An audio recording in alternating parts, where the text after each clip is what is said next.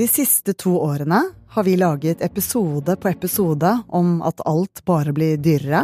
Ja, folk bruker penger. Folk kjøper ting selv om det er dyrere. Og om at renten bare blir høyere. Rentehevingene vedtatt av Norges Bank kommer som svært tidsinnstilte, forsinkede utgiftsbomber i nettbanken til folk flest. Prisveksten går opp, og Norges Bank prøver å kjøle den ned med rentehopp. Men nå ser det endelig, endelig ut til å virke. For i går kom ett tall som kan fortelle mye om hvordan norsk økonomi kommer til å se ut fremover. Du hører på Forklart fra Aftenposten, en podkast der vi tar for oss én nyhet i hver episode. I dag om hvorfor vi endelig kan håpe på at rentetoppen er nådd. Det er tirsdag 12. desember, og jeg heter Synne Søhol.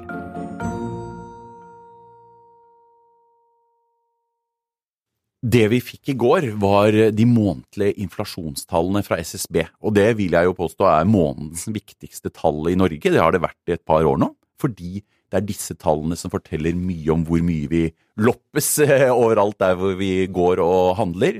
Og samtidig også så forteller det noe om hva Norges Bank må gjøre med renten for å stagge disse prisstigningene. Og som alltid er det vår briljante økonomikommentator i E24, Sindre Heierdal, som skal hjelpe oss å forstå hva som skjer. Og det tallet vi fikk i går, det var en inflasjon på 4,8% det siste året.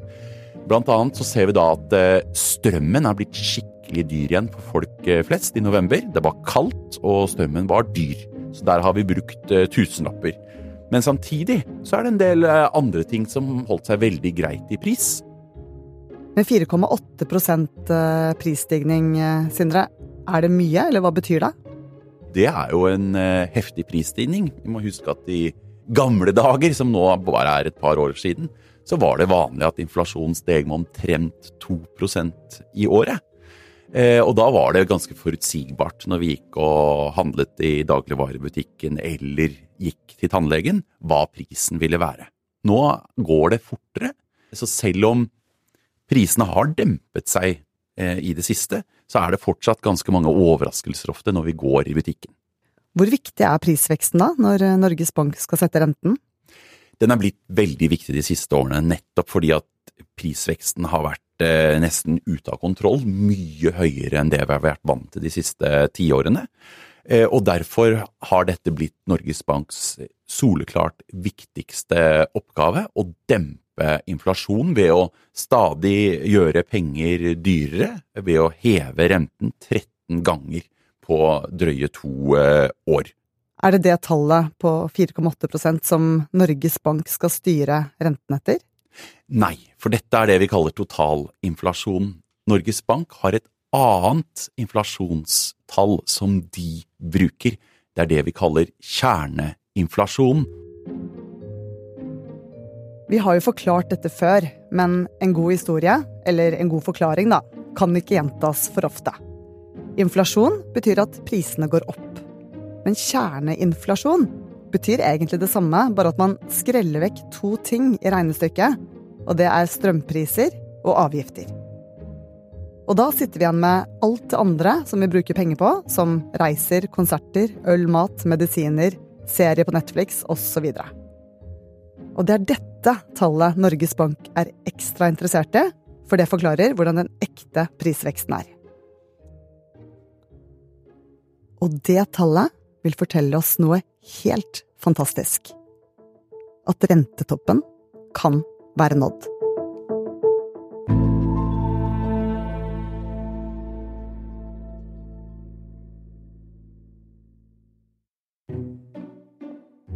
På torsdag annonserer Norges Bank hva som blir den nye styringsrenten i Norge.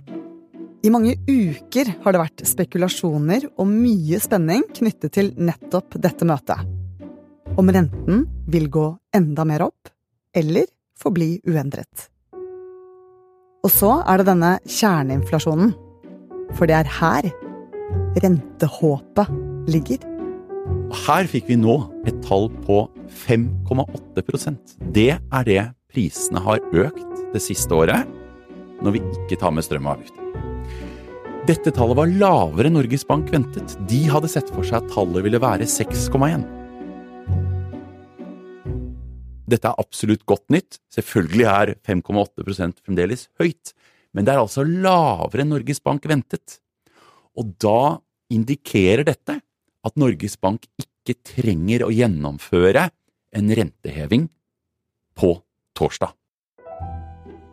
Så selv om denne prisøkningen er høy, så er den mindre enn det som var ventet. Og dermed kan de slippe litt opp på gassen.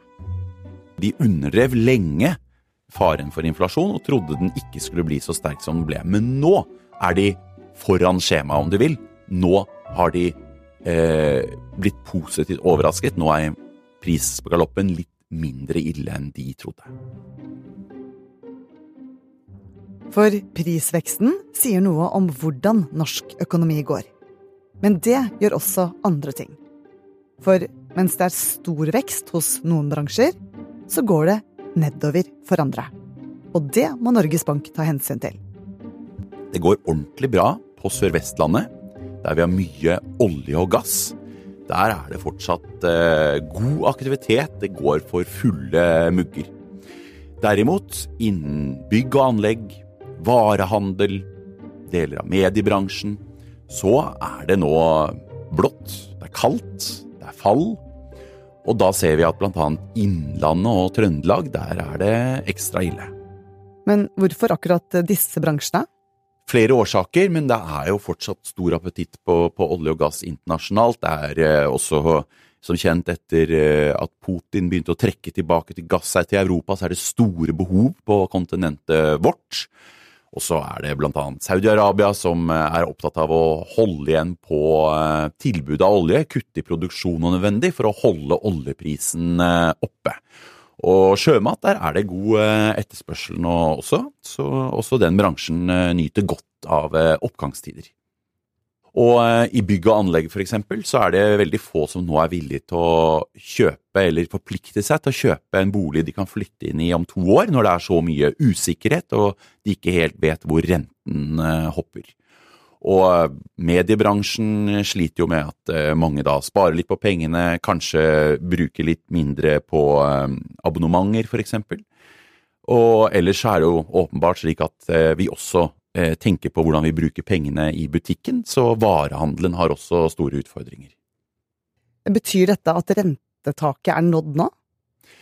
Vi skal jo aldri være sikre, og det er jo fascinerende hvordan prognosene om dette rentemøtet i desember har hoppet eh, opp og ned et utall ganger. Mange sjeføkonomer har jo skiftet syn like ofte som de skifter skjorte, omtrent. Men nå er det altså en god del som eh, er ganske slapt i eh, norsk økonomi. Vi begynner å nesten nærme oss terrenget hvor eh, økonomien krymper. Og samtidig så er altså inflasjonen litt mindre brennhet enn Norges Bank hadde fryktet. Og derfor er det absolutt mest sannsynlig at renten er uendret på torsdag. Og så kan Norges Bank høyst sannsynlig la det bli liggende på det nivået vi er på, en god stund. Og så er det da mest sannsynlig at neste gang Norges Bank skulle finne på å endre renten, så blir det ikke lenger opp, men ned. Sindre, hvor sikker kan man være på at dette kommer til å skje? Vi må ta store forbehold. Eh, økonomi er ikke fysikk eh, heller, og vi vet hvordan prognosemakerne ofte bommer på særlig valutakurser og inflasjon. Gang på gang har økonomer og eksperter ment og uttalt seg om renten. Økonomer tror renteøkningene her hjemme dempes. Jeg tror rentetoppen er nådd. Jeg tror ikke nødvendigvis de kommer til å heve i november.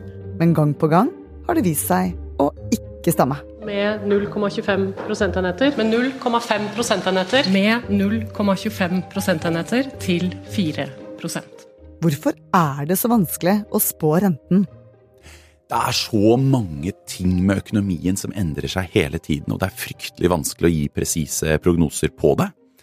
Og derfor så blir det veldig, veldig ofte bom. Um, og så er vi jo avhengig av hvordan det går ute i verden. Vi er veldig avhengig av hva andre sentralbanker setter i rente, og hva som blir eh, importert prisstigning.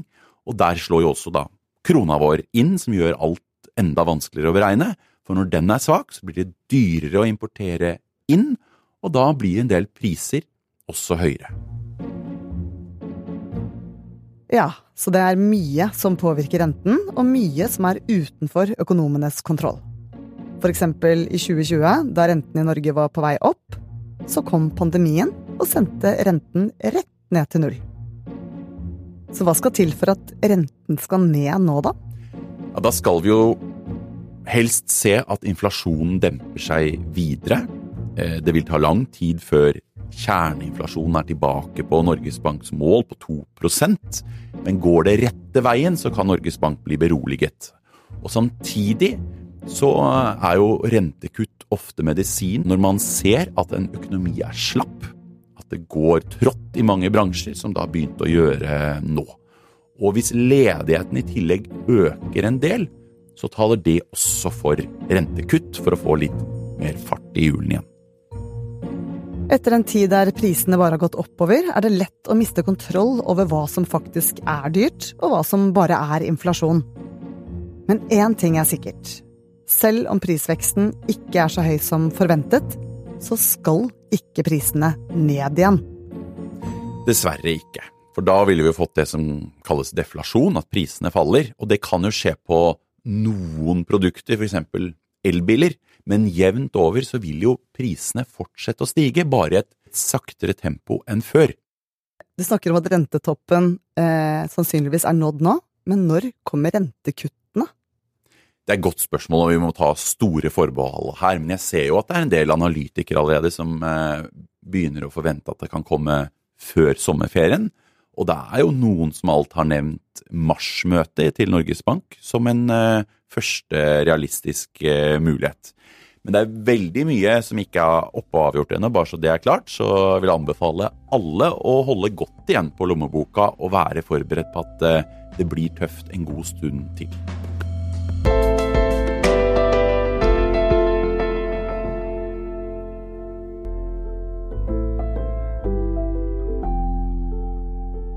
Du har hørt en podkast fra Aftenposten.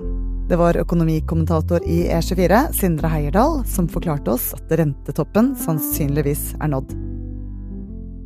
Det er produsent Fride Nesten Onsdag og jeg, Synne Søhol, som har laget denne episoden.